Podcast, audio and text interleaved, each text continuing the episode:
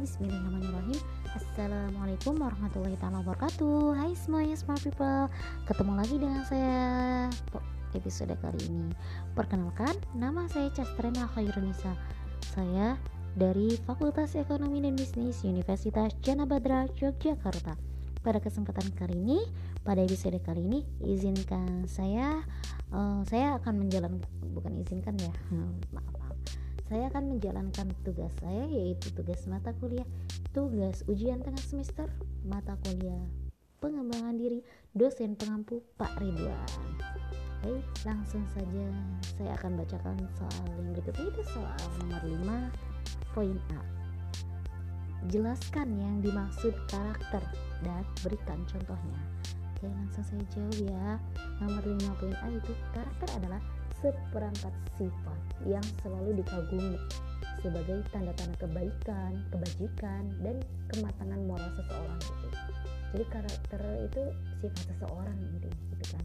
Menurut Kamus Besar Bahasa Indonesia, karakter itu memiliki arti sifat-sifat kejiwaan, akhlak atau budi pekerti yang membedakan seseorang dari yang lainnya gitu. Soalnya itu kan gak ada yang sama gitu, pasti berbeda gitu seseorang itu karakter juga bisa bermakna buruk. Contohnya seperti karakteristik seseorang itu salah satunya yaitu hmm, bertanggung jawab. Nah, bertanggung jawab ya.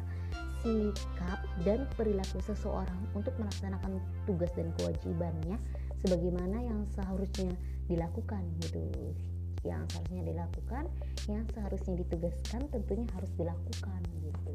Karena tadi sih punya karakteristik bertanggung jawab terhadap diri sendiri, terhadap masyarakat, terhadap lingkungan, alam, sosial, budaya, negara, dan tentunya Allah Subhanahu wa sih terhadap masyarakat, terhadap lingkungan? Karena kita itu hidup di dunia tidak sendiri. Karena kita itu hidup di dunia, hidup dengan masyarakat, bermasyarakat dan tentunya pada Allah SWT. Kenapa pada Allah taala? Tentunya karena apa? Karena um, kita itu uh, harus uh, menjalankan apa yang diperintahkan oleh Allah Subhanahu wa dan apa yang dilarang itu harus dijauhkan gitu. Jadi jangan terbalik gitu. Uh, laksanakanlah apa yang diperintahkan dan jauhilah apa yang dilarang. Oke. Okay. Lanjut nomor 5 poin B. Soalnya faktor apa saja sih yang mendukung terbentuknya karakter building? Jelaskan. Okay karakter building ya. Fakta-fakta yang membangun karakter building itu yaitu ideologi politik ekonomi sosial budaya agama normatif pendidikan lingkungan dan kepemimpinan. Lanjut di poin C nya itu karakter kamu seperti apa sih? Ceritakan. Hmm, um, agak berat sih tapi ya uh, harus ada rasa percaya diri gitu kan tentunya Nah, yang di poin C ini karakter dalam diri saya pribadi itu insya Allah kalau diberi tanggung jawab saya itu orangnya laksanakan gitu, langsung laksanakan insya Allah. Kalau tidak dilaksanakan menurut diri saya pribadi itu rasanya gimana gitu kan? Seperti ada yang mengganjel gitu dalam kehidupan saya gitu. seperti ada yang meneror gitu kan. Selain bertanggung jawab itu saya itu percaya diri, percaya diri tentunya optimis tetapi kalau mau melangkah itu pasti harus hati-hati dulu gitu.